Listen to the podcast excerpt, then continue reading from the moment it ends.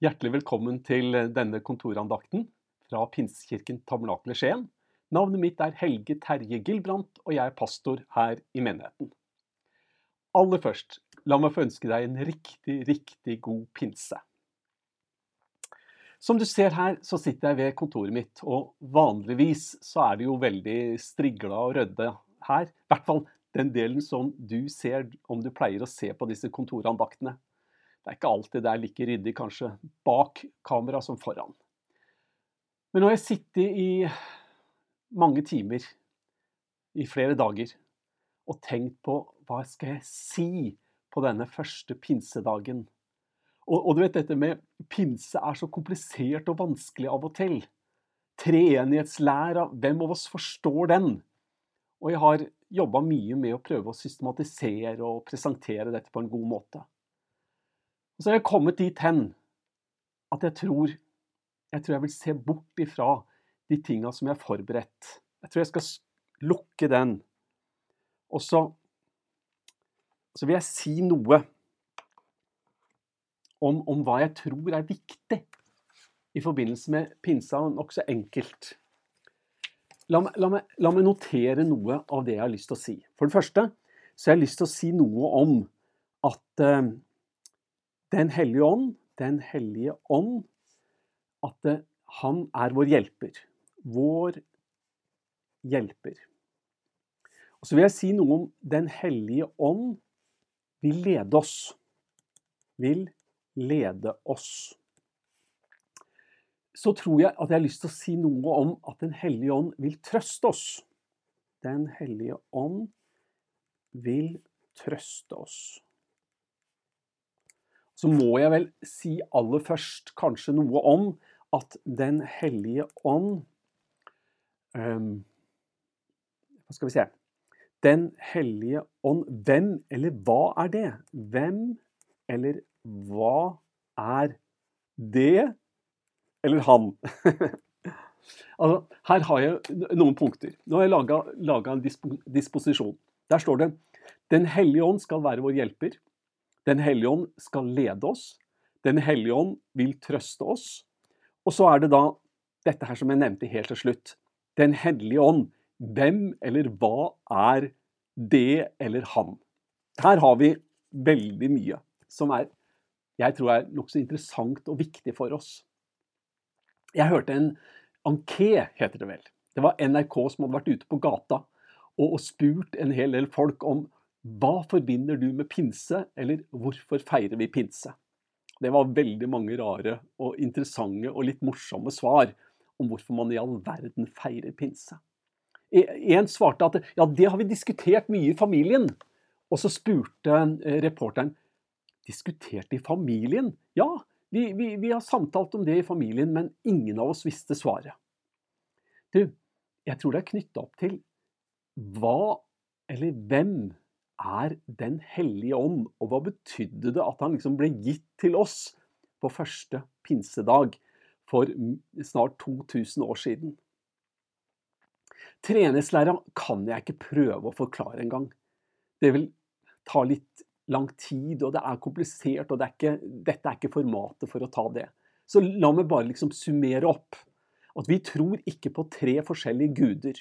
Vi tror på én Gud som består av Faderen, Sønnen og Den hellige ånd. Og disse tre er ett. Tre personer, men én Gud. Og jeg skjønner at det er vanskelig. Én pluss én pluss én er én. Ja, nei, det er ikke lett å forstå. Men du, vi tror på én Gud, og vi tror på en allsteds nærværende Gud.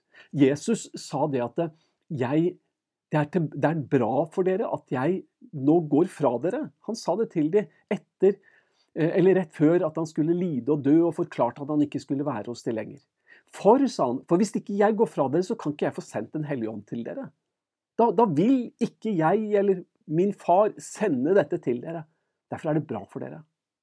Altså, Jesus sier når ikke jeg lenger er hos dere, så skal jeg likevel være hos dere, for Den hellige ånd skal komme og han skal være hos dere hele tiden. Absolutt hver dag, hver time, hver minutt. På hvilket som helst sted i hele universet. Gud er allstedsnærværende. Det er den Gud vi tror på. At Gud er allstedsnærværende. Og det var det Jesus ville få disiplene til å forstå. At eh, når han nå hadde vært hos dem, så hadde han vært en stund der Betania. Så hadde han vært i Kapernaum og Betsaida og Jerusalem og rundt forbi ikke sant, alle disse forskjellige stedene. Eh, men han var aldri to steder samtidig.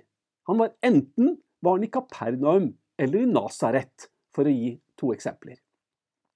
Men så sier han det er så bra for dere at jeg går bort. For når jeg har gått bort, så skal Den hellige ånd komme, og da blir det helt annerledes. For da skulle Jesus være hos disiplene uansett hvor de var. Så skulle Jesus være hos dem ved sin hellige ånd. I trosbekjennelsen til, eh, til, Den norske kirke så taler vi om at Jesus at han for opp til himmelen, sitter ved Gud Fader den allmektiges høyre hånd. Og Det er det bildet som vi tegner. Og det tror jeg på hele hjertet. Så det er ikke noe galt i det. Det er en veldig god formulering.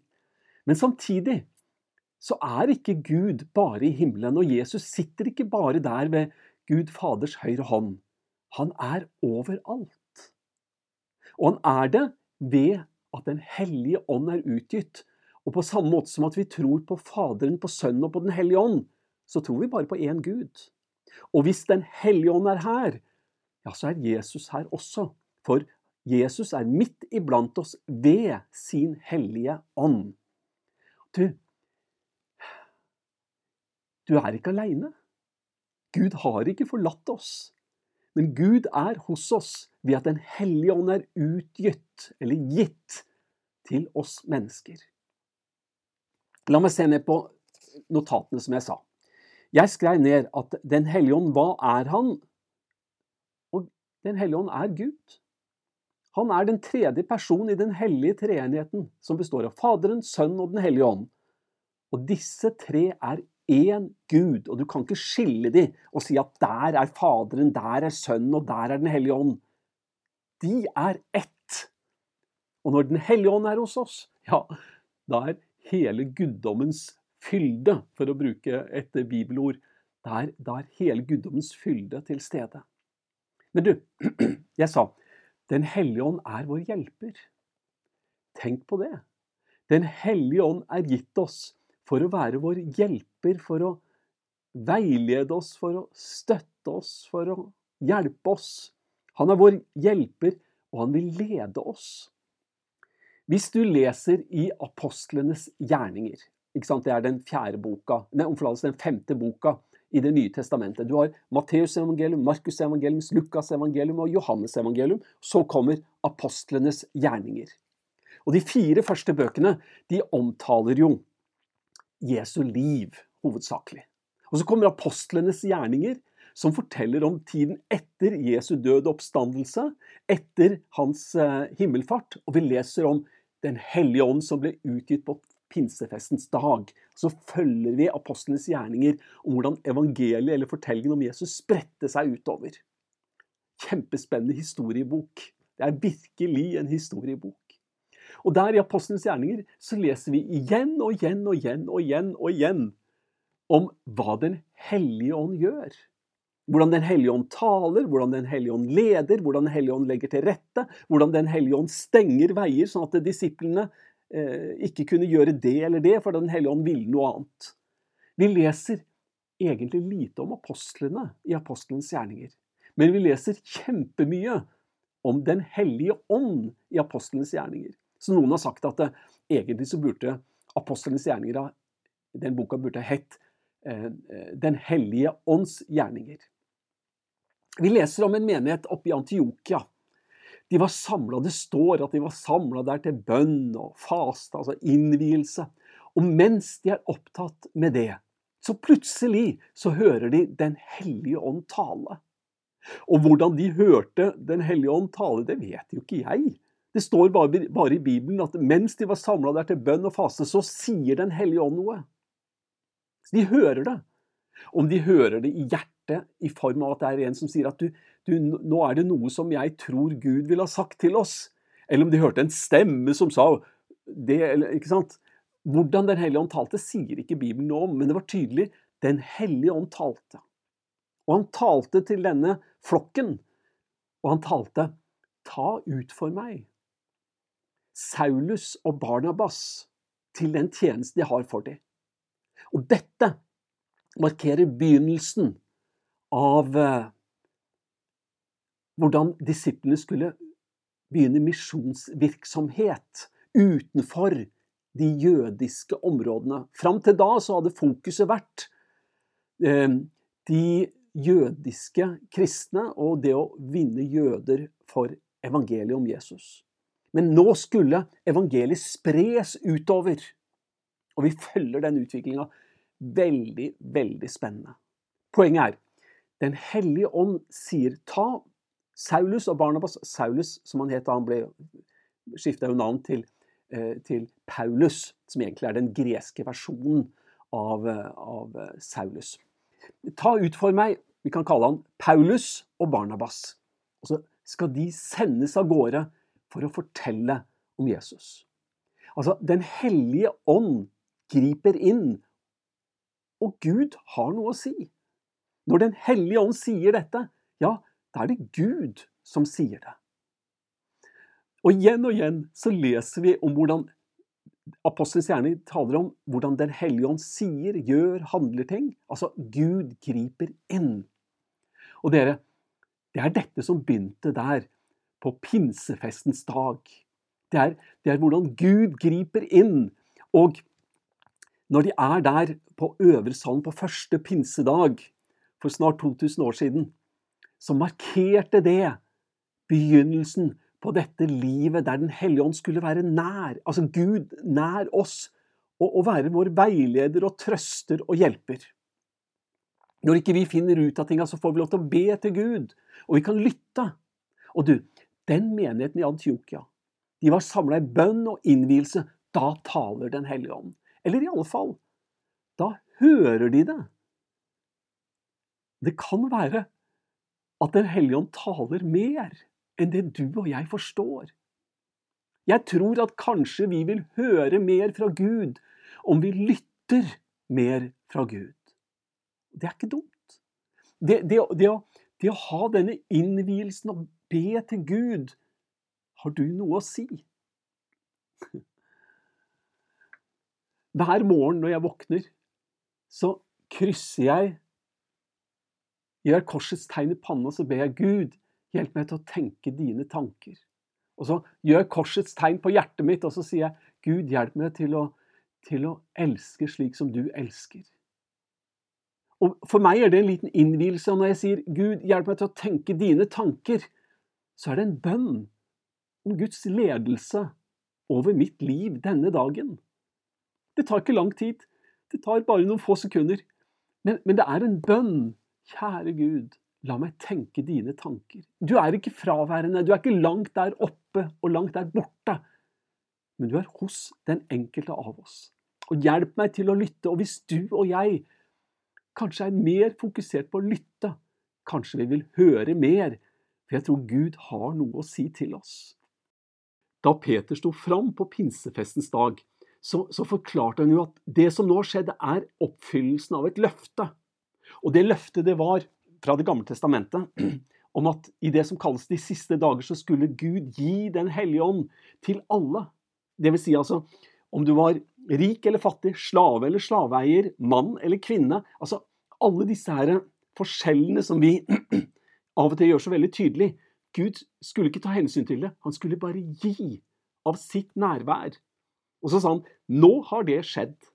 Og det ble tydeliggjort bl.a. ved at alle som var der, uansett hvor de kom fra, som var da i Jerusalem i forbindelse med pinsefeiringa den gangen, de hører disiplene fortelle om Guds store gjerninger på sitt eget språk. Det var der dette med tungetale kom inn, som jo er noe av det rare med pinsen. ikke sant? At vi leser om der i, i apostelens gjerninger, om at disiplene de talte et språk som de ikke selv forsto, pga. at Den hellige ånd ga det til dem. Det fantastiske er jo ikke at de talte et språk de ikke forsto. Det fantastiske er at de som var der, hørte det de forsto. Og de forsto at de talte om Guds storhet. Og det, det var så tydelig, ikke sant? et tydelig tegn på at evangeliet skal ikke nå begrenses bare til noen. Bare til de som kunne hebraisk eller aramesk eller hva de talte. Men dette skulle folk forstå, for det var en gave til alle mennesker. Du, vi feirer pinse fordi evangeliet om Jesus er gitt til alle sammen. Guds nærvær som, som ligger i dette at Den hellige ånd er utgitt. Den hellige ånd er hos oss. Den hellige ånd er hos oss, og vi feirer pinse i begeistring og takknemlighet og glede over vi er ikke aleine. Gud har ikke glemt oss. Gud har ikke forlatt oss. Men han er hos oss hver eneste dag. Og så leder han oss. Og som jeg nevnte, oppe i Antiokia, der hvor de var samla i bønn og innvielse, så sier Den hellige ånd, ta ut for meg Paulus og Barnabas. Og så reiser de av gårde, og så opplever de både forfølgelse og vanskeligheter og problemer av alle forskjellige slag. Men gjennom alt så var Gud med. Altså, Den hellige ånd er vår hjelper. Den hellige ånd vil lede oss. Og så sa jeg Den hellige ånd vil trøste oss. Og det tror jeg på. Han er trøsteren, og, og, vi synger en sang 'Se, trøsteren er her'. Se, trøsteren er her. Den hellige ånd er sendt, vår kamp til jubel vendt. En flott liten sang som er oversatt til norsk, om at Den hellige ånd er hos oss. Og han vil være der for å trøste, oppmuntre og hjelpe. Gud er hos oss. Ja, Vi kunne ha sagt så mye om dette, men jeg tror, tror det er bare dette jeg egentlig har lyst til å dele med deg. Vi feirer pinse fordi det forteller oss om at Gud er hos oss. Og Gud er aldri langt borte fra verken deg eller meg. Og vi kan få lov til å be til Gud, vi kan få lov til å tilbe Gud, vi kan få lov til å opphøye Han, og vi får lov til å oppleve at Han er hos oss. Samtidig som at Han har omsorg for oss. Pinse er fantastisk. Det forteller oss at Gud er med oss i skiftende omstendigheter, i medgang og motgang. Gud er med oss. Du, velsigna pinse. Og feir ikke den pinsa aleine, for Gud er hos deg. Feir den også, selvfølgelig sammen med familie og venner, men tenk på at Gud er hos deg. Du får feire hans nærvær i din hverdag. Jeg vil lyse velsignelsen over oss. Og da sier vi også noe om at Den hellige ånd skal være med oss. Jeg skal ta den paulinske velsignelsen, sånn som Paulus uttrykte det. Ta imot Herrens velsignelse. Herren velsigne deg og bevare deg. Nei, det var den, det var den aronittiske. Jeg skal ta den paulinske.